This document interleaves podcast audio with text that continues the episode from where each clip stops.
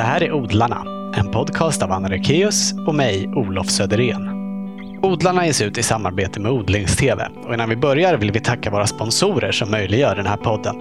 Precis som i förra avsnittet är det Rölunda Gård som säljer jord och jordförbättringsprodukter. Det är Nelson Garden och så är det Grönyte Konsult AB som saluför japanska verktyg av högsta kvalitet, till exempel silkesågar. Stort tack!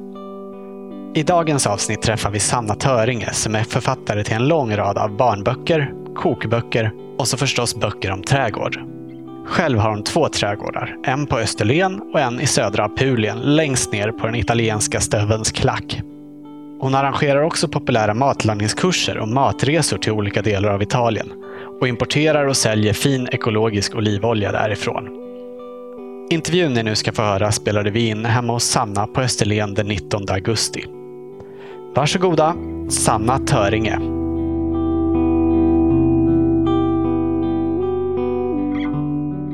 Vad gott kaffe det var. Tack, vad bra. Vad gör trädgården med dig? Oh, trädgården lugnar mig. Trädgården är en tröst. Absolut. Jag kan inte tänka mig leva utan trädgård. Alltså jag, när jag tänker mig men jag kan ha en minimal trädgård, men jag måste ha en trädgård. Det ger mig också, det är ju hela tiden allt det här med hopp om livet, att man ser, att man vet att man planterar eh, lökar på hösten och man vet att de kommer upp på våren, att det är en slags hela årets följd. Det ger ju en, en tröst för livet. Mm. Ja. Har du alltid varit intresserad av odling och trädgård? Alltid, alltid. Alltså jag har ju vuxit upp i trädgård, jag har vuxit upp, min morfar var trädgårdsmästare och där kommer jag ihåg att jag fick kolla i frökataloger och jag kommer ihåg, jag kommer ihåg sånt som aubergine och sånt från hans frökataloger. Och det här ja. är ju, jag är född 52, så det här är ju tidigt. Jag kommer ihåg att jag hade små odlingar och min mormor, farmor och farfar de hade kolonistuga, där var jag jättemycket och min mamma och pappa har haft trädgård. Så att liksom det, jag har alltid vistats i trädgårdar. Var växte du upp någonstans? I Kalmar. Och kom det sig sen att du började skriva om trädgård? Då? Jaha, hur kom det sig? Åh, oh, jag kommer inte ihåg. jag har verkligen fått frågan om hur jag skrev kokböcker så många gånger och varför, hur det kommer sig. Mm. Men hur det kommer sig att jag skrev min, och vilken som var min första trädgårdsbok, det vet jag inte. Men du började skriva om mat innan? Ja, kokböcker. Ja, men jag tror så här att jag skrev en bok om köksträdgård. Ja, var det den första? Jag tror det var den första och då var det både om odling och om mat. Så tror jag att det var. Det var nog den första trädgårdsboken jag skrev. Så det var en, en, bok om grönsaker helt enkelt som kom. Och då var det ganska ovanligt att det var en bok som handlade både om odling och mat. Och det var liksom svårt för bokhandlarna var de skulle ställa den någonstans. Så det var liksom lite besvärligt. Svårt på biblioteket, svårt. Nu är det ju rätt vanligt att det är, så finns sådana böcker. Den har kommit ut i många upplagor också, flera olika upplagor. Och det kommer en ny upplaga nu i ja, år? Ja, precis. Och då, det som var roligt med den boken, det var att jag följde en trädgårdsmästare under ett år. Alltså jag ville verkligen, jag, överhuvudtaget med mitt skrivande så vill jag, vill jag själv utforska. Jag vill inte liksom bara läsa andra böcker och skriva av, utan jag vill, jag vill verkligen gå med honom och, och få reda på saker och ting. Och han heter Kjell Åberg bor utanför Ystad här och är en väldigt duktig trädgårdsmästare. Ja. Så att då och har en handelsträdgård? Ja, ja, mm. just det. Han har ju plant, stor plantskola, men eh, framförallt grönsaksodlare var han. Så jag lärde mig mycket av honom. Har du alltid skrivit? Nej, jag är bibliotekarie. Jag har läst. jag, alltså jag, för länge, länge sedan så var det bibliotekarie jag var. Men sen så började jag skriva. Och jag har skrivit om litteratur, det gör jag fortfarande, om skönlitteratur. Så det är liksom mitt... Jag skriver krönikor om litteratur fortfarande. För någon tidning då? Mm, alltså statstjänstemännens tidning som heter Publikt. Det har jag skrivit i 30 år tror jag för dem. Mm. Alltså samma om litteratur varje... Ja. Roligt. Mm. Och sen har det blivit många trädgårdsböcker sedan dess. Ja, det har det blivit. Och det har blivit sånt som jag själv har varit intresserad av. Alltså jag har varit intresserad av till exempel eh, vilken historia trädgårdsblommorna har. Hur har de kommit till Sverige? Vad finns de i, i litteratur och konst? Det var en bok.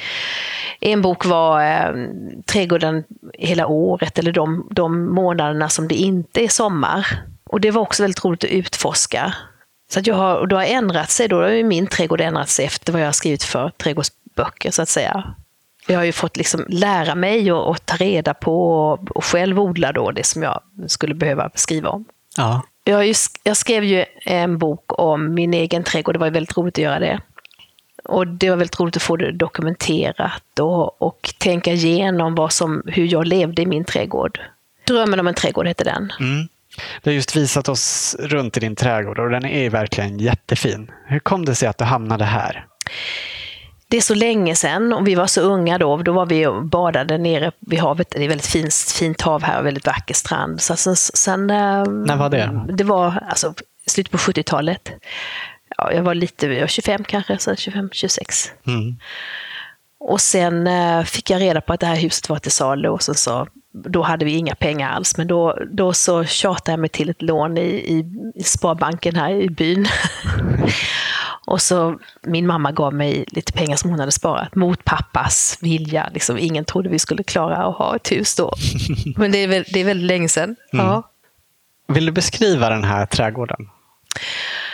Den är om jag ska bara säga att det finns många sittplatser, det finns många ställen att vara, det finns alltid lä, alltid, alltid lä någonstans. Man kan gömma sig i den, den är, man kan vara många i den, vi är en stor familj, man kan vara i fred, man kan sitta bakom en buske på en stol någonstans och läsa om man vill. Man kan vistas i den, man kan leka i den. Den är både vild och ordnad. Mm.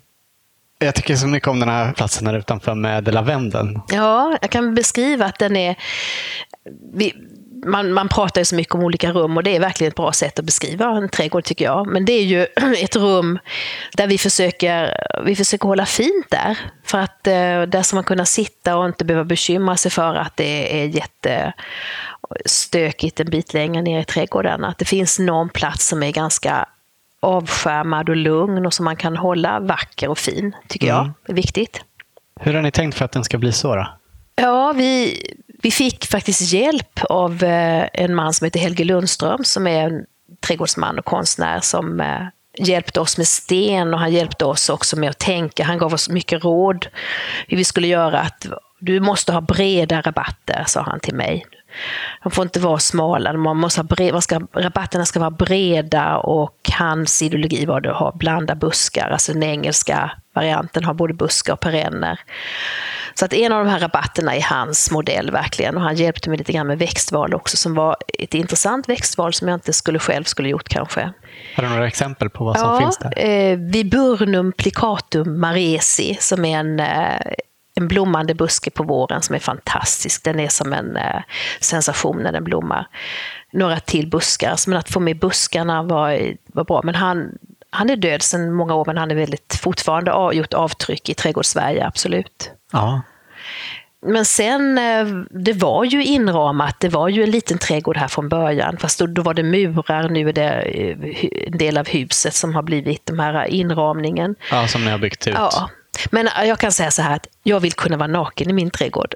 Jag vill kunna vara skyddad, jag vill kunna vara liksom skyddad från ingen ska kunna se mig. Jag ska kunna vara precis som jag är, jag skulle kunna vara i fred, det ska vara varmt, det ska vara lä och det ska, jag ska kunna sitta och läsa. Och... Du sa innan här att det är lite som ett sovrum. Ja, ja det är som ett sovrum. Eller det är det här intima, intima och privata. Vi har ju en liten del bara som man ser från vägen och den är det har varit från början ett kryddland, nu är det ganska vilt med mycket malva och franska kungsljus och, och bronsfänkål. Så det är liksom, fast på, tidigare på året är det mycket irisar och det, det är lite annorlunda, lite olika förstås. Men, och det ser folk och då tänker folk så här, vad hon har det stökigt, hon den där sanatöringen, tänker de. Men det, det struntar jag i. Nej, jag tror väldigt många tycker det är vackert faktiskt. Jag tror att folk, folk tycker det är vackert när det är sådär vilt. Ja. Eh, det är nästan alla jag pratar med tycker det. Jag var, om man åker på en trädgårdsresa eller, åker, eller är tillsammans med trädgårdsintresserade eller så, där, så, så, tycker de nästan alltid att när det är vilt, när det slingras i de här drömska trädgårdarna. Om man drömmer om en trädgård så är det nästan alltid väldigt, väldigt vilt och mycket, man får gå in i den och gå djupt in i den och sådär. Så det, det tror jag man har i sitt huvud. Man vill inte ha det här öppna, ordnade, utan man vill ha något annat. Mm. Och på den här kringbyggda gården, där är det ju liksom kombinerat just det här lite vilda och slingriga med den här kvadratiska lavendelplanteringen som är ja. ganska strikt i sin form. det bestämde vi tidigt och det var vårt förslag och jag tror att eh, det, jag är väldigt, väldigt glad för det. Det var från början tänkt att det skulle vara en damm där kanske, eller vi pratade om det. När vi flyttade hit, nu bor vi här året om, förut var det ett sommarboende. Då ville vi, då så sa vi så här, vi kan inte gå i leran för att förut var det kullerstenar och det var väldigt romantiskt, mycket aklejor och körsbärsträd och väldigt, väldigt så här, klassiskt, en bonnaträdgård. Men då ville vi ha lite stadsträdgård. Vi sa just det, vi vill kunna gå med drinkglas och jag vill ha högklackade skor och kunna gå här. Och då, så då, då la vi en, eh, ett golv med eh, topphyvlad kalksten från Öland. Som min man låg en hel vinter och la och sen i mitten så skulle vi först då tänkte vi ha en jättevacker fontän kanske. Nej, det, det var aldrig tal men liksom bilden av det där.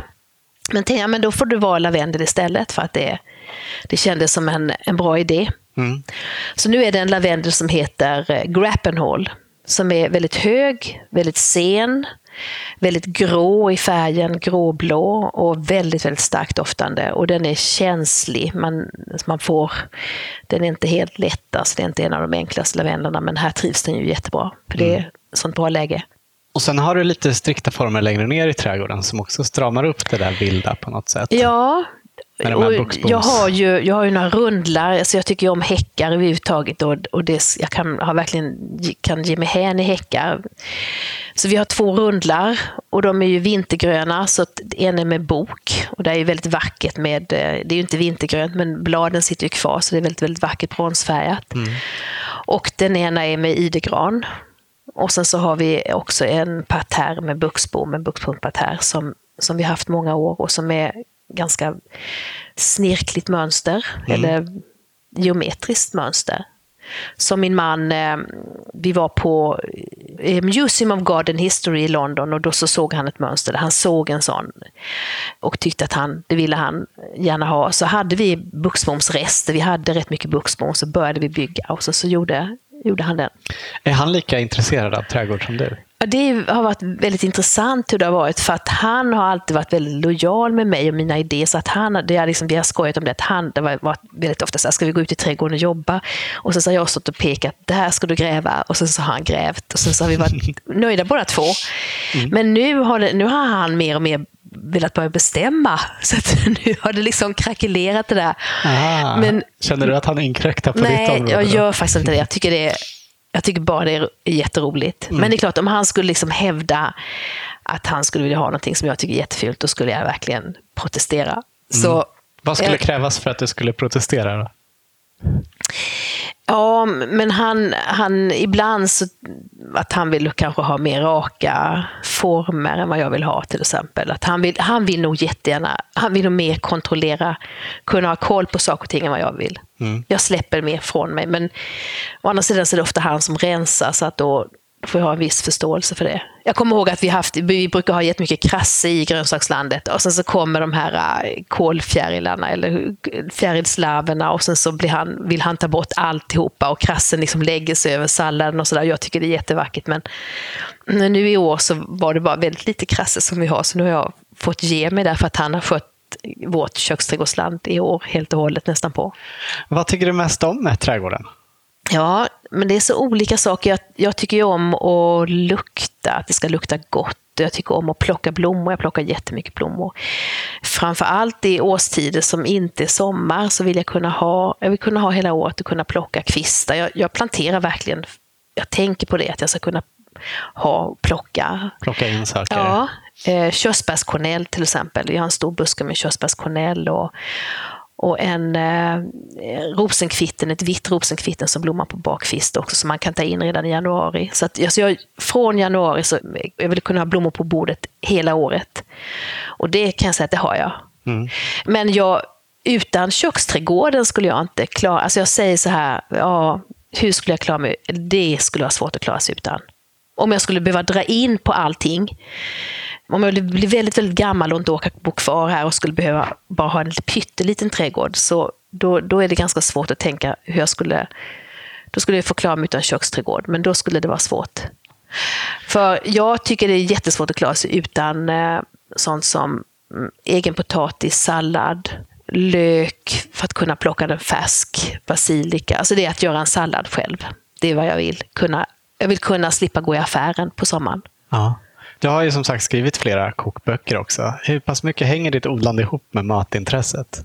Jättemycket, jättemycket. Jag kan jättemycket om, eh, alltså jag har alltid kunnat väldigt mycket om växter också för att kunna äta, så att säga. Både om vilda växter och om, eh, om köksträdgård. Så jag, det, det hänger absolut samman.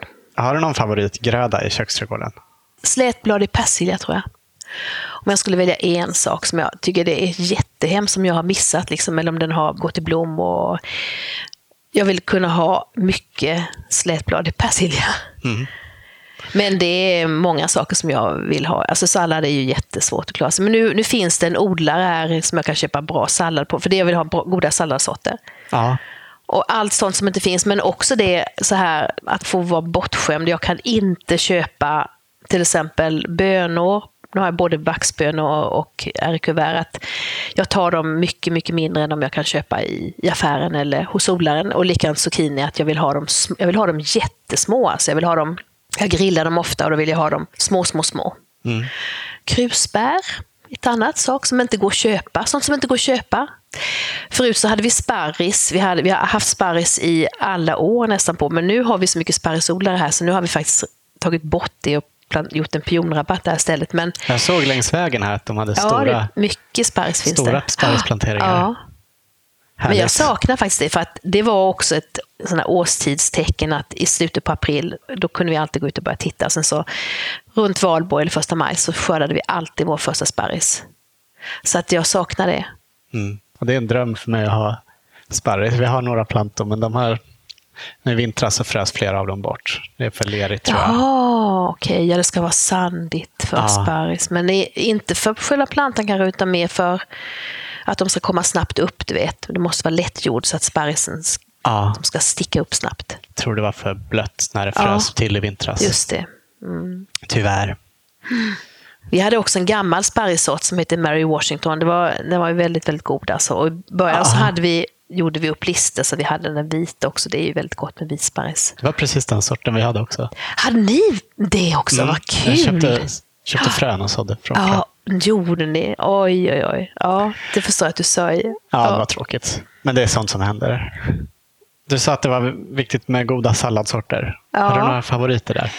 Jag tycker mycket om eh, romansallad. Den stora krispiga. Alltså den har jag gillat alltid. Men också ekblad och så mm. tycker jag att den allra, allra godaste salladen faktiskt är Batavia-sallad. Den ska ju ha den där krispigheten och sötman liksom som... Uh... Men jag älskar att göra sallad. Jag tycker det är liksom otroligt sensuellt att göra det.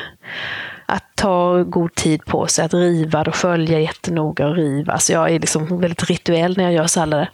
Och jag har jättegärna örter också i. Alltså jag har gärna basilika i, men också ja, rucola och persilja och så. Härligt.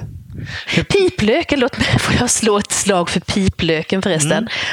Men jag tänker på, nej, om, jag skulle, om det skulle vara så illa att jag skulle få ha en jätteliten trädgård, bara pytteliten, då skulle jag ha piplök. För piplöken är nog den, nästan en av de allra, allra bästa sakerna som finns i i trädgården. För den kommer upp redan här i mars, så sticker den upp. Och den har ju som, alltså det smakar nästan som, som gräset, lite starkare men inte mycket starkare. Och de är väldigt eh, tjocka skälkar så att säga då, som eller mm. blad egentligen. Då, som, Påminner och, om blasten på ja, det, gul lök eller så. Ja, just det, det gör det. Fast de, den är mer saftig och den är rundare. Och sen så kan man fortsätta skörda den för det kommer nya hela tiden. Så det, det, är väldigt gott att ha i sallad och det är väldigt gott på våren. Då, om man vill gå och leta, vad finns det för någonting? Finns det något? Finns det något? Ja, men piplöken finns mm. till sillen på påsken eller så. Finns, kan man liksom. Och sen ska man fortsätta ha piplök. Så den är jättefin tycker jag. Det är bekvämt med sånt som återkommer av sig själv ja, det är det. år efter år. Så ska också. det vara. Perenner. Ja, det är väldigt bra. Hur pass självförsörjande är ni på grönsaker? Eh, på sommaren har vi eh, potatis som vi klarar oss hela sommaren och sallad och lök och basilika. Tomater är, är, är liksom, vi vill verkligen det, det handlar hur snabbt kommer tomaterna? Det tycker jag liksom är jätteviktigt. Vi har funderat på om vi skulle göra ett ett växthus till med gurka. För att jag, men eh, nej, vi, vi, vi backar på det än så länge. Men mycket tomater vill jag ha. Mycket tomater. Vi, äter, vi äter så mycket tomater. Mm. Och vitlök har vi ju också egen och så. Men ingenting till vintern egentligen mer än vitlök. Som ni sparar? Så. Nej. Nedanför er trädgård så är det som en mosse. Och mot den så har ni satt upp ett stängsel som är kanske en decimeter högt. Ja, det är tryckimpregnerat virke, alltså det är 12 till 14 centimeter brett. Det är mot sniglarna. Mm. Och det är en, en uh, liten tråd med uh, en koppartråd med uh, växelström som är så svag så att den är, varken hundar eller barn kan, det, det känns inte, men sniglarna kommer inte över den. Och där nere i mossen finns det hur mycket sniglar som helst. Så när, det, när de kom, sniglarna, så var det, det var ett sätt att skydda sig faktiskt. Och vi, men man måste hålla, det får inte vara grässtrån och sånt där runt, så man måste klippa gräset runt. Och så där man får jobba Funkar med det det. bra? Ja, det funkar absolut. Ja. Mm. Men ni har ju varit här som sagt i över 30 år. Mm. Utvecklas trädgården fortfarande eller är den liksom färdig? Nej, vi har ju, det, det är faktiskt det är vissa saker vi kom på. Hur ska baksidan vara? Alltså baksidan för några år sedan, alla trädgårdar har ju en baksida och baksidan för några år sedan var verkligen en underbar baksida för då var det så vilt, det var blommor som växte där, bara jätte, jättevilt. Men sen så skulle vi, tyckte vi att det var jobbigt så, så gjorde vi gräs, nu är den jätteful. Men nu, den ska vi göra om, den ska vi göra till någon slags när köksträdgård med, jag vill ha mycket mynta. Det använder man mycket i Italien också. Mynta är jättebra. Mycket mynta, mycket persilja och sen så lite sånt. Så vi ska, och lite bärbuskar. Vi har mycket barnbarn så, vi- och de, så krusbären hinner aldrig mogna här. Alltså de, de äts alltid upp innan de, innan de är mogna. Så vi ska, man, man kan tänka sig att man kan ha tio krusbärsbuskar. Då, tänker, då kan det bli kvar några till mig. Ja. Hoppas på det.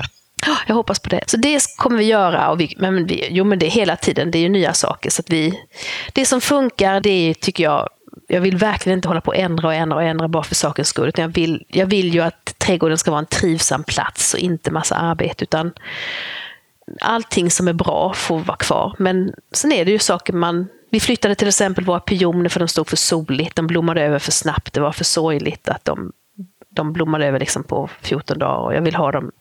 Det ska vara en längre period som pionerna finns. Så de, sitter, de är på ett mörkare, skuggigare ställe i trädgården och, och så har vi satt lavendel där istället. Och, så har vi satt rosor som inte funkar, då ska jag ta bort dem. Allting som inte funkar ska man ta bort och byta ut. Mm. Det är klart man provar sig fram fortfarande. Det vore ju tråkigt om allt var cementerat och klart. Mm. Det är någon sorts evolutionsprocess som pågår. Absolut, absolut.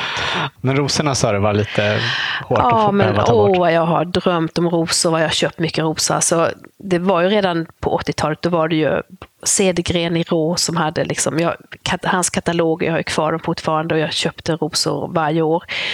Och jag har haft jättemycket rosenträ, olika rosenträdgårdar som har flyttat sig i trädgården och planerat nya rosenträdgårdar. Och, och sen så, så det är inte rosen jord här. Det, det, det är ju, om man ska bara säga en regel för att ha en vacker trädgård så är det ju att anpassa sig till vad som trivs. För att, att jobba mot naturen är så himla tufft. Alltså att hålla på och man kan ge hur mycket kompost och gödsel och vatten som helst men det, liksom, det hjälper inte ändå på Nej. en, en sån bortskämd ros. Sådana som jag vill ha. Mm. Så att därför har jag fått ge mig nu mest pimpinellrosor på ängen som är, eller gallikarosor som överlever allt. Ja. Och klätterrosen i trädet där ute. Ja, just det. Ja, men klätterrosor, de här alla rosa multiflora och alla honungsrosorna, de, det är ju, ger ju miljö också. Mm. Du har skrivit en bok som heter Paradiset som ligger här på bordet framför oss. Mm. Är det här din definition av paradiset? Ja, det tycker jag absolut. Mm. Vad ska man annars ha för bild av paradiset än en trädgård? Men också det här med, jag tycker det är väldigt spännande att, att, tala om gränserna mellan eh, natur och trädgård och det kultiverade och vad man har för önskningar och hur mycket man måste kontrollera, hur mycket man kan släppa ifrån sig och hur mycket... Det där tycker jag är väldigt spännande att, att tänka på. Så den boken handlar mycket om det helt enkelt. Ja. Om gränserna till mellan natur och kultur. Ja. Och så har ju du ett paradis till också. Ja, Jag har en trädgård i Italien och den eh, ligger längst ner i Apulien, i klacken, allra, allra längst ner. Och den ser ut helt annorlunda. Ja, berätta om den. Ja, den är ganska lik egentligen att komma på. För den är, det är, huset ligger i samma läge. Det är, när man kommer dit så märker man att det är ganska likt. Vi har också samma mönster, samma mönster som jag har på min för detta kryddträdgård här. Alltså enligt gammalt klostermodell med en rundel och kvarter runt omkring. Har vi i, trä, i Italien fast mycket, mycket, mycket större skala. Så hela mm. trädgården är uppbyggd på det sättet. Med eh, kvarter och en rundel och gångar emellan. Och där är det bara så torktåliga örter. Mm. Väldigt mycket lavendel. och det är en också mycket doftande trädgård som, som är, är ganska väldigt lättskött. Eh, folk blir ofta väldigt imponerade när de kommer dit. Det är en väldigt vacker trädgård, men vi lägger inte ner speciellt mycket jobb på den. För vi har, eh, där har vi pinjebark som ligger ovanpå. Och det är också likadant. ah, som täckbark? Ja, liksom. täckbark. Ja. Mm. Eh, jag undrade hur det skulle gå med just lavendel och sånt där, men de, de växer ju i Mackian. Mackian heter ju det liksom som området runt Medelhavet, men där finns ju också mycket pinjer i utkanten av Mackian, så att liksom rosmarin och sånt växer under pinjerna, så att det funkar jättebra. Hur kom det sig att ni hamnade just där? Och det är en sån lång historia, men eh, vi reste mycket jag alltid, vi har alltid jobbat på sommaren, både, både min man och jag. Och sen så har vi gjort, tagit semester andra tider på året. Och så tänkte vi att det kändes, skulle kännas kul att vara på samma ställe, bara på ett ställe och lära känna det. Så det var mycket en slump att vi hittade just det här. Mm. Alltså jag hade hittat ett hus i, uh, i Basilicata som är hålfoten. Men det var inte så som, jag hade, som vi hade tänkt, eller vi åkte dit först. Sen så åkte vi bara längs kusten faktiskt. Vi följde kusten neråt. Vi hade aldrig varit i Apulien förut. Det är väldigt bonnigt. Det är höga stenmurar och ängar. Det ser ut som ett slags öländskt landskap fast lite annorlunda. Jag kände igen landskapet när jag kom dit tror jag och kände mig hemma i landskapet. Det var för mig var fantastiskt. Det var, jag tror aldrig jag skulle kunna hitta något så vackert ställe någonsin, någonstans. Och sen så var det en slump att vi hittade det, det stället som vi hittade. Så att det är allra, allra längst ner, ja, vid, eh, nära Santa Maria de Loca. Det, är så att man, det ligger på en kulle mellan byn som heter Patou och havet. Så man ser, man ser havet genom olivträden. Och man, eh, det fanns apelsinträd, eller det finns apelsinträd på vår tomt också. Det var ju en ruin av en bondgård, eller av en lada egentligen. En ruin av en lada. Men det låg så, det låg på sluttningen och det låg så eh, fantastiskt att jag, det såg jag faktiskt. Det här med, med eh, platsens ande, det kan man verkligen skriva under på. Att man kan uppleva att här, här och ingen annanstans. Så kände jag när jag kom dit. Det var jättemycket skrot och jättemycket tistlar och jättemycket omöjligt på något sätt. Men vi såg det tillsammans, Anders och jag. Mm. Mm. Det är ju väldigt mycket olivodlingar där omkring också. Mm. Har ni olivträd också? Ja, det har vi. Vi har så vi får varje år en skörd liksom, till oss och vår familj. Och Det är väldigt roligt att själv skörda och pressa. Då samlar man ihop sina vänner och sen så gör man det tillsammans. Hela pulen är ju faktiskt fyllt, det är som granar här ungefär med olivträd. Mm.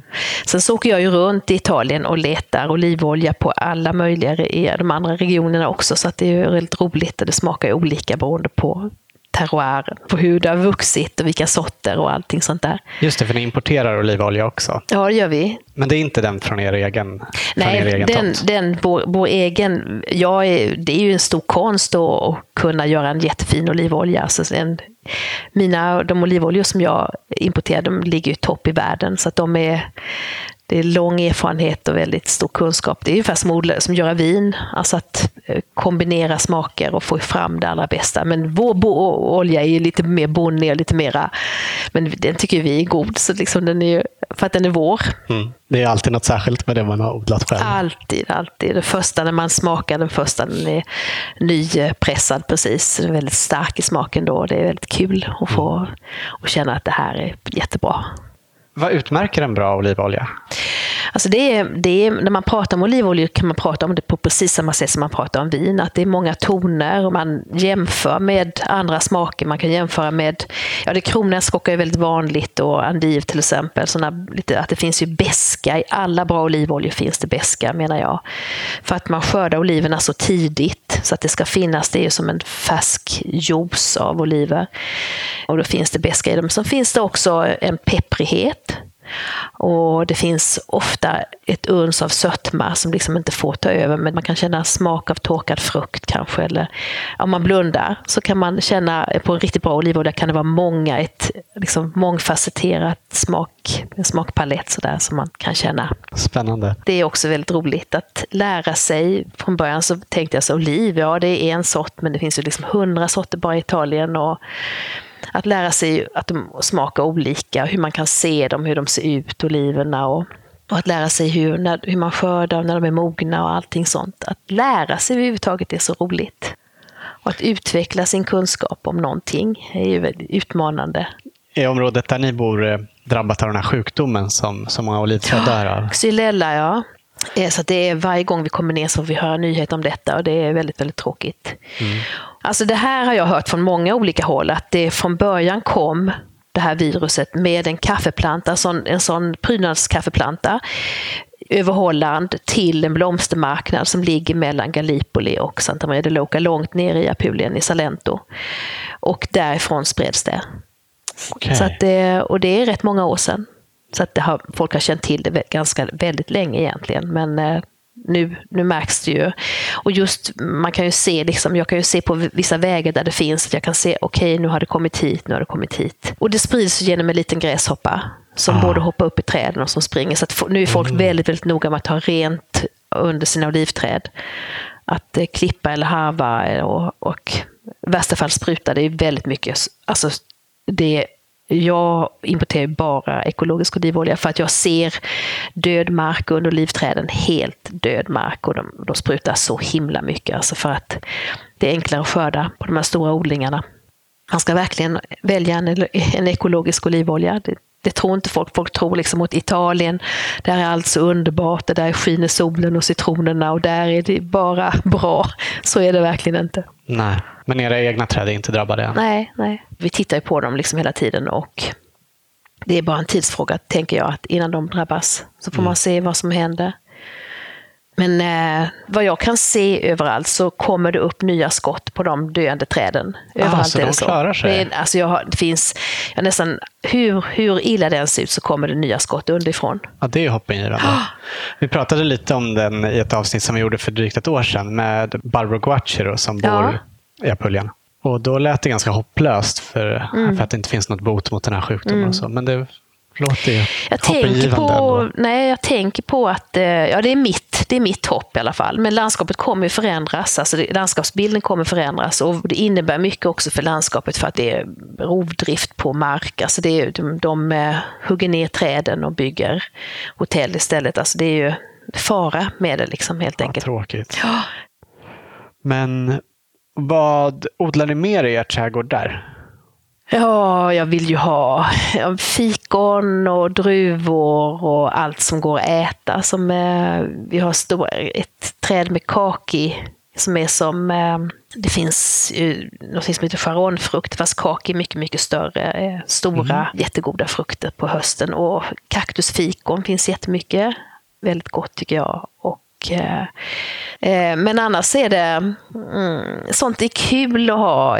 På våren i mars, när om vi är nere i mars, så har vi då blommar ju mandelträden, det finns anemoner och då är det fresia som jag har i trädgården. Som, det, allting, mycket sånt som inte går här går ju där. Det är väldigt kul att testa. Jag ska göra det mer, jag ska ta, prova fler eh, lökväxter där nere. Jag har mycket narciss och sånt där också. Fint.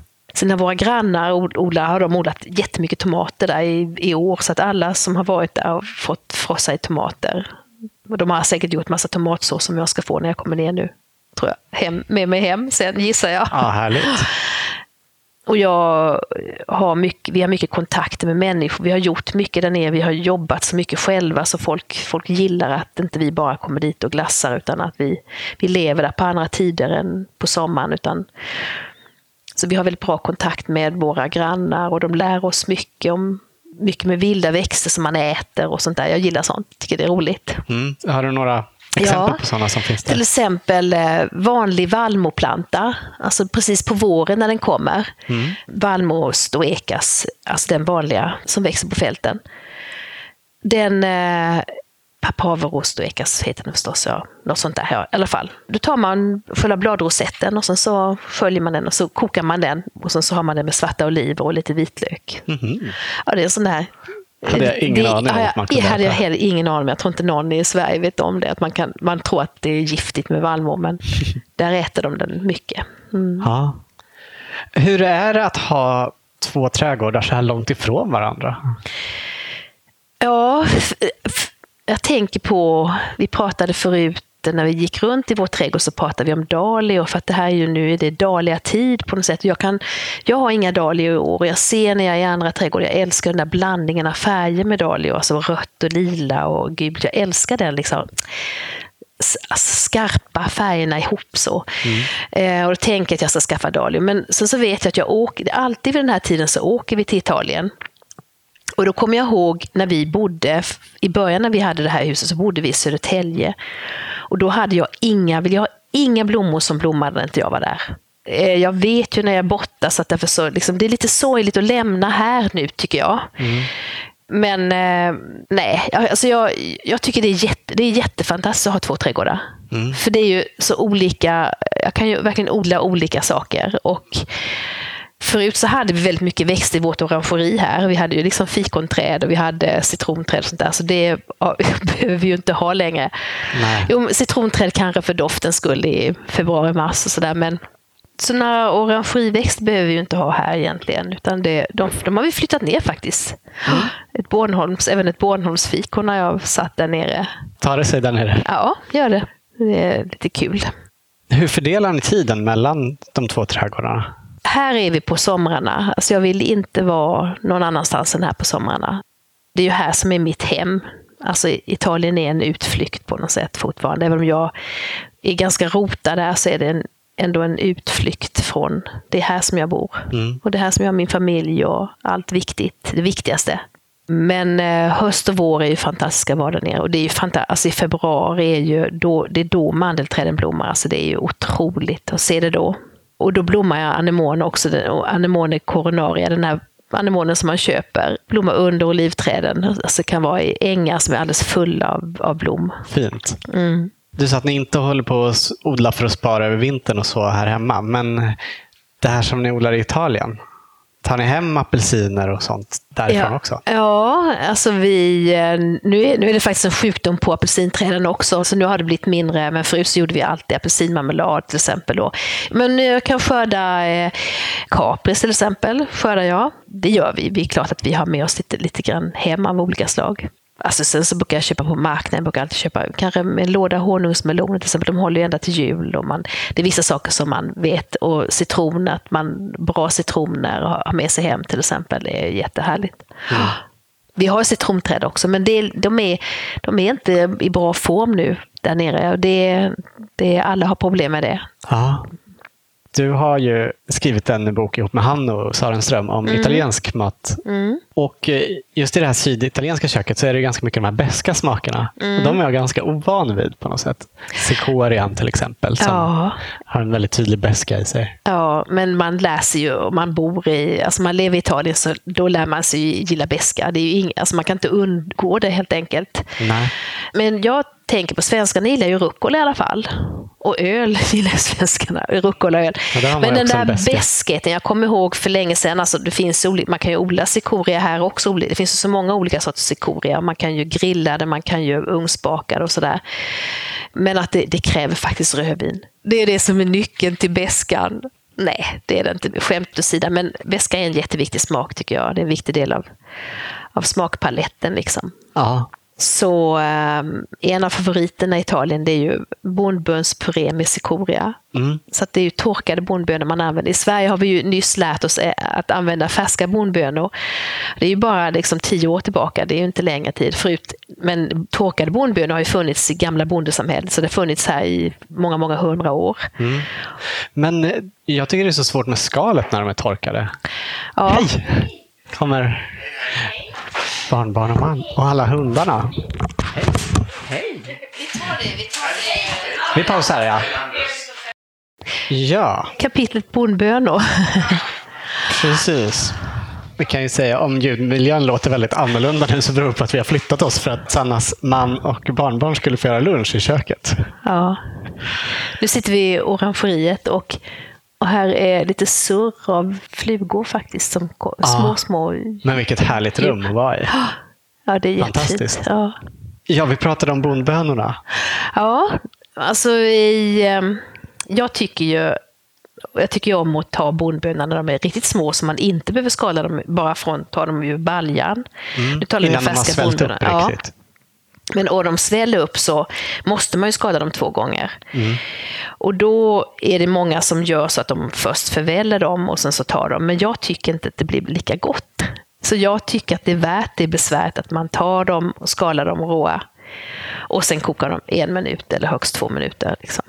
Och då, då är de ju fantastiska att äta med olivolja och pecorino. Det är liksom det som är det bästa, bästa, bästa. Och då är det det lyxigaste man kan bjuda på.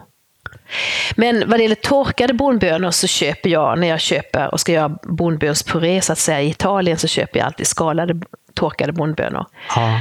Och man, men man kan ju också köpa dem med skal, men då får man ta dem genom en sån här äh, sil eller en sån, pressa dem igenom. Det är svårt, det är bökigt. Ja, det passer, man passerar dem Passerar när dem. man har kokat dem. Ja, alltså. just det. Och i, jag, jag vet att i vissa kokböcker står att man måste ha oskalade för att det är, det är liksom fusk att, att köpa skalade. Men jag köper skalade. Och det finns recept i din och Hannos bok. Eh, det finns det. Mm. Jag tror inte du sa hur länge ni har haft stället där. Ja, åtta år, åtta eller nio snart tror jag. Det. Mm. Fanns trädgården där då? Eller Ingenting, ingenting fanns. Jo, det fanns några träd. Men, nej, men vi, vi anlade en trädgård. Alltså, vi skrapade ihop de sista pengarna vi hade och sen så anlade vi med hjälp en trädgård. Så det är ju uppbyggt verkligen i de här, det här mönstret är uppbyggt med, med sten så att den är väldigt, väldigt organiserad den trädgården. Det, där är, förresten, så det är roligt för att jag där har vi gjort, där har vi jobbat systematiskt, att vi tar en bit i taget, sen så har vi gjort det i ordning. Så att vi, och nu håller vi på med det sista, vi, har, vi gör en geraniumträdgård kan man säga, alltså med vilda geranium, vilda pelargoner, olika pelargoniasorter som vi, de är överlever ju och de är ju jättetorktåliga, så de är väldigt bra. Och det blir fantastiskt, alltså de, de är underbara när de blommar. Det och verbena ihop, det, blir, det är jättefint. Och också det var att det är experimenterande och, och tänka men det blir fint. Sen så tar hela tiden tar nya skott och sen så sätter vi och sätter vi och så kommer de. Mm.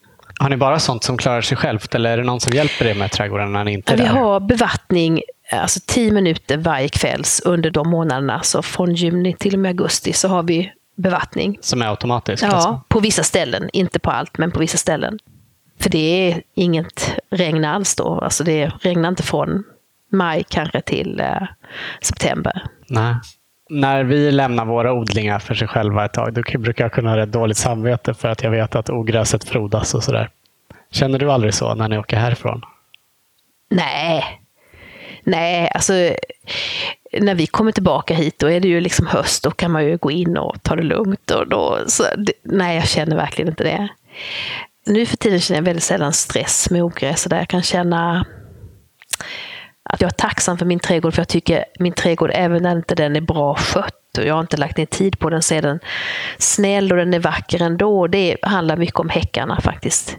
Så om jag skulle säga något tips så är det ju att ha att satsa på häckar in i trädgården. Inte bara runt trädgården, utan i trädgården. Mm. Du berättade innan när vi gick runt här att du är inte en sån som håller på att dalta med växterna. Nej, jag önskar att jag var mer vårdande och pysslande. Jag, jag tycker verkligen att jag skulle behöva vara det. Men eh, nej, jag vill att det ska klara sig självt. Jag, vill att det ska, jag tycker om att tänka ut. Jag tycker om, och det har jag alltid gjort, alltså jag har haft visioner hur jag vill ha det. Jag tycker om att läsa och tänka och, och se vackra färger ihop och sådär. Nu tittar jag på en bukett framme bordet framför oss med tagetes och lavendel ihop. Alltså blågrått och jättefint. orange, det är ju underbart. Så tycker jag om att tänka på trädgården. Men eh, sen så är jag inte så där jättebra på att- att ta sticklingar och så fröer och sånt där. Utan jag är mer rationell då. Får jag köpa plantor eller min man, han, jag satsar hårt på honom att han, han han tar över det. de sidorna. Han är mer vårdande än vad jag är, det är han. Mm. Mm. Har du några generella tips? För du har ju faktiskt skrivit en bok just om trädgårdens färger också. Mm. Har du några generella tips om hur man ska tänka för att det ska bli behagligt att se på? Ja, man ska inte vara rädd för kontrastfärger. Alltså i, om man tittar på konst så finns det ju liksom inga intressanta, om man tittar på mål, en målning så är det ju inga målningar som är intressanta som bara har, går ton i ton. Utan det, folk är så rädda, folk tror att de ska vara, liksom bara ha en blå trädgård och det ska, allt går, går i blå och rosa toner. Ja, det har ofta så länge. man hör det också så att det ska kännas lugnt om man håller sig till en färgskala. Ja, men det är inte så. Man ska ha alltså, antingen rött eller gult, man ska ha i det, man måste ha i det. Man kan liksom, om man, jag, jag har varit med om det själv så mycket, va? att jag har haft sån här liksom, bara allt i rosa och blått och vitt. Eh, så var det ju länge som det skulle vara så. Sen så jag bara längtade nästan fysiskt efter kontrastfärger, efter någon färg som tog emot. Som, så att, så att det tror jag man ska tänka på att man ska ha, mm. vad det gäller färg just. Sen att man tittar tittar, att man tittar på själv, på tyger och allt möjligt, liksom vad som är vackert. Att det, är, det är ju jättevackert med sånt. Jag pratar om dahlior till exempel, lila och rött är ju jättehäftigt ihop, tycker jag. Eller eh, alltså nu orange och blågrått.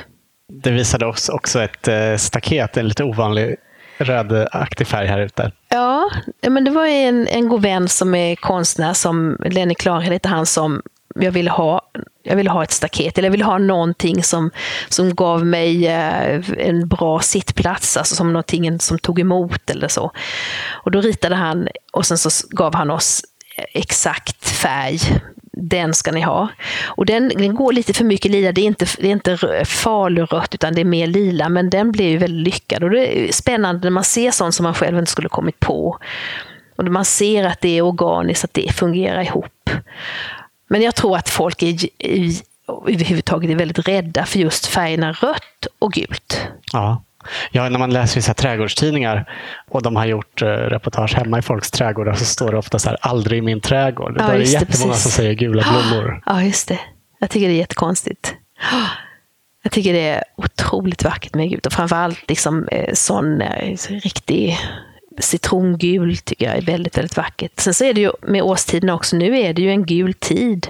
Alltså hösten är ju gul, hösten är absolut, det är så mycket som är gult och det är så underbart att bejaka det. Och ha mycket som är gult. Mm. Du var inne lite på det innan, det här med att eh, det ska vara vackert även på vintern. Mm. Det är väl sju månader om året som träden är avlövade. Aha. Och när man är, lever inne i ett hus så tittar man ju ut väldigt mycket. Alltså man, man, blicken går ju ut och då är det ju jätteviktigt. Om man, även om man inte går i trädgården mitt i vintern så tittar man ju ut i alla fall och att man hela tiden tänker när man bygger upp en trädgård. Att man tänker på vad är det jag ser? Vad ser jag från mitt, när jag vaknar på morgonen från mitt sovrum till exempel om jag tittar ut. Vad ser jag när jag står vid diskbänken och tittar, så då ska det absolut vara mycket, alltså mycket vintergrönt gillar jag och mycket färger på. Även former som framträder med häckar och sånt, att det liksom ger karaktär och att man ser, att man tänker på det. Och inte bara liksom att sånt som snödroppar och sånt är också jätteviktigt, men de här stora sakerna är, vikt, är ju ännu viktigare. Formen av de stora mm. dragen i ja, trädgården. Ja, och att det kan vara en njutning på vintern. En hacktornshäck kan vara jättevacker på vintern alltså rent som en kalligrafi, så grafiskt vackert. Ja, fint. Mm. Du nämnde att du gillar att plocka vilda växter i Italien. Ja. Gör du det här hemma också? Ja, det gör jag. Eh, det har jag alltid gjort. Alltså, till exempel ängsyra och sådana saker. Göra sås på på våren till exempel. Till abborrfilé är väldigt gott att göra. Sås av ängsyra. Nej, men jag är intresserad av botanik. Det har jag alltid varit sedan jag var liten. I Italien plockar man ju kapris och, och sparris, vild. Så det, är ju all, det här med plockandet överhuvudtaget är väldigt roligt att göra. Mm. Plockar du bär och svamp och sånt också? Eh, ja, alltså jättegärna. Nu är det så att jag är bort, åker ju till Italien nu, men alltså, jag, klart jag tycker jättemycket om att göra det. Plocka, björnbär brukar jag plocka den här tiden och sen så svamp, absolut. Ja. Mm. Är det någonting mer som du skulle vilja att vi pratade om? Um, nej men jag tycker det här med att vara vän med sin trädgård och att inte, ha, att inte göra trädgård för andra än sig själv. Att, sådana frågor tycker jag är viktigt. Att man inte gör en utställningsträdgård, att man inte gör alltså den här inredningshysterin, att det ska vara på ett visst sätt och att man är så rädd för att inte det är fint nog. Om den styr hur man jobbar med sin trädgård också tycker jag att det är katastrof faktiskt. För att trädgården ska ju vara, det ska ju vara en, en lycka och en glädje och inte någonting bara som är en press. Och det, jag, jag, tror att det kan vara så att man ska vara så jäkla duktig. Man ska dessutom vara liksom trädgårdsdesign, egen, sin egen trädgårdsdesign och klara av allting. Och att det bara ökar den här pressen. Det är väldigt tråkigt. Mm. Är trädgården bara glädje för dig? Nej, alltså det är klart att jag känner att jag, och det är klart jag, jag just innan, innan, nu innan vi ska åka, att jag vill göra vissa saker, vi ska göra vissa, vi har ju vissa projekt på gång nu de här sista dagarna som vi vill göra innan vi åker. Och det är också press, det är klart att jag har känt jättemycket eh, alltså, trädgårdsstress är ju väldigt, alla känner ju det. Jag tror att jag skulle vilja träffa någon som inte känner det.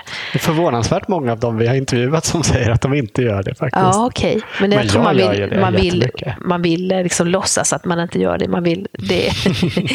jag tror man gör det ändå, alltså, mm. lite då och då i alla fall. Mm. Fast idealet är ju att inte göra det. Mm. mm. En annan sak som jag skulle vilja säga också, det är ju att se till att plantera träd folk gör inte det. Alltså den vanliga trädgårdsutvecklingen hos människor det är att man först upptäcker blommor och så tittar man på blommorna så vill man ha så många blommor, man vill ha, man planterar massa blommor och sen kanske man kommer på att det finns buskar också och speciellt blommande buskar och då vill man ha det. Sen kanske man kommer på att det finns buskar utan blommor som också är jättevackra och sen kanske man kommer på träd och då är man jättegammal och då är det för sent. så man ska börja med att plantera träd om man har en trädgård och mm. försöka tänka att utan träd är en trädgård ganska tråkig. Du visade oss några träd där innan som du var väldigt glad i. Ja, jag är ju överhuvudtaget glad i träd. Alltså, och, och jag, det är ju en lycka att den här trädgården är uppvuxen nu efter så lång tid.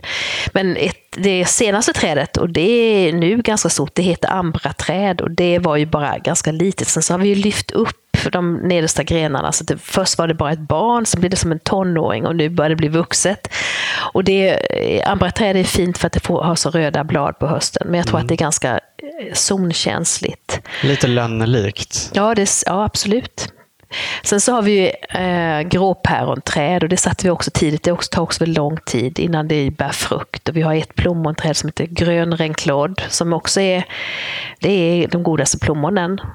Men och de, det tar tio år innan det börjar ge frukt. Så nu börjar det finnas några plommon på det. Likadant ett valnötsträd. Så att all, det, nu börjar jag känna att nu kommer det de här idéerna som vi hade, att vi skulle ha ett litet valnötsträd och så, så nu börjar det ge frukt. Eller ha tålamod med träd. Tålamod måste man ha, ja. Mm. Så håller du på att plantera massa nya små träd här utanför också? Ja, jag, jag har ju mitt, om jag vill prata om paradiset så är ju min bild av paradiset det är ju en körsbärsträdgård. För det var så jag växte upp och kunna gå från det ena körsbärsträdet till det andra. Under säsong, alltså det är ju en lång säsong med körsbär från mitten på juli i alla fall till slutet på augusti. Och olika träd. Och det hade min morfar. Och jag vet att den finaste present jag någonsin har fått det var när jag var sjuk en gång. Han skickade en hel jättestor gren med körsbär till mig. Skickade han inte med bud till.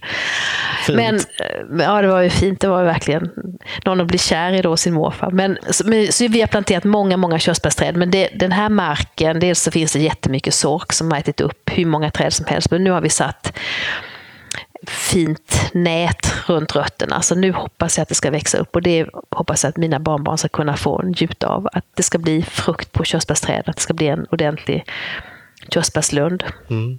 Det är nog många som har just körsbärslund som någon sorts bild av paradiset. Ja, det tror jag också. Med blomningen och sådär ja, också. jag tänker på Astrid Lindgren har skrivit mycket om det. Ja. Ja, men jag tror att det är verkligen, om man blundar så det kan vara en bild av paradiset. Mm. Vi brukar alltid avsluta varje intervju med att våra medverkande får ge sitt bästa odlingstips. Mm. Har du något som du vill dela med dig av? Plantera tätt och eh, anpassa dig till den jord som finns i din trädgård. Försök inte med gentiana i en, eh, i en, det har jag försökt så många gånger. Med de, och rosorna och alla de där misslyckandena man har gjort. Det handlar jättemycket om att just min trädgård, just min trädgård så passar det inte. Nej, så mm. rätt sak på rätt plats. Ja, det tror jag. Och tätt, tänker du då liksom i perenner rabatter eller tänker du i köksträdgården? Eller hur? Nej, ja, gärna, gärna även alltså i köksträdgården kan det vara väldigt enkelt att ha bar jord, men annars så att ha det så tätt som möjligt så att det inte... Det är ju det bästa sättet att inte ogräset ska komma faktiskt. Mm. Våga, våga ha det lite vilt, våga släppa in, våga låta lite vilda växter kanske komma. Mm. Mm. Tack så jättemycket för att eh, vi fick komma hit och för att du tog dig tid. Mm, tack, roligt att prata om det här. Ja, visst är det. Mm, det är det.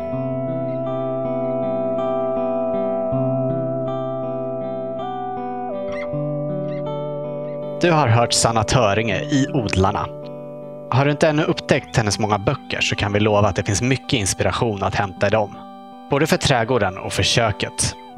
De böcker vi nämnde i intervjun var Paradiset, Köksträdgården, Trädgårdsvinter, Historier om blommor och så Syditaliens kök och skafferi, vilken hon skrivit ihop med Hanno Sarenström, som du för övrigt kan höra i Odlarna avsnitt 4. Och boken om Sannas egen trädgård heter Drömmen om en trädgård. Ja, några av alla fina böcker hon skrivit. Mer om böckerna, om de matresor och matlagningskurser Sanna ordnar och om den olivolja hon alltså importerar från Italien kan du läsa på hennes hemsida sannasitalien.se eller på Facebook-sidan Sannas Italien. På Instagram kan du följa henne under namnet Sanna Toringe.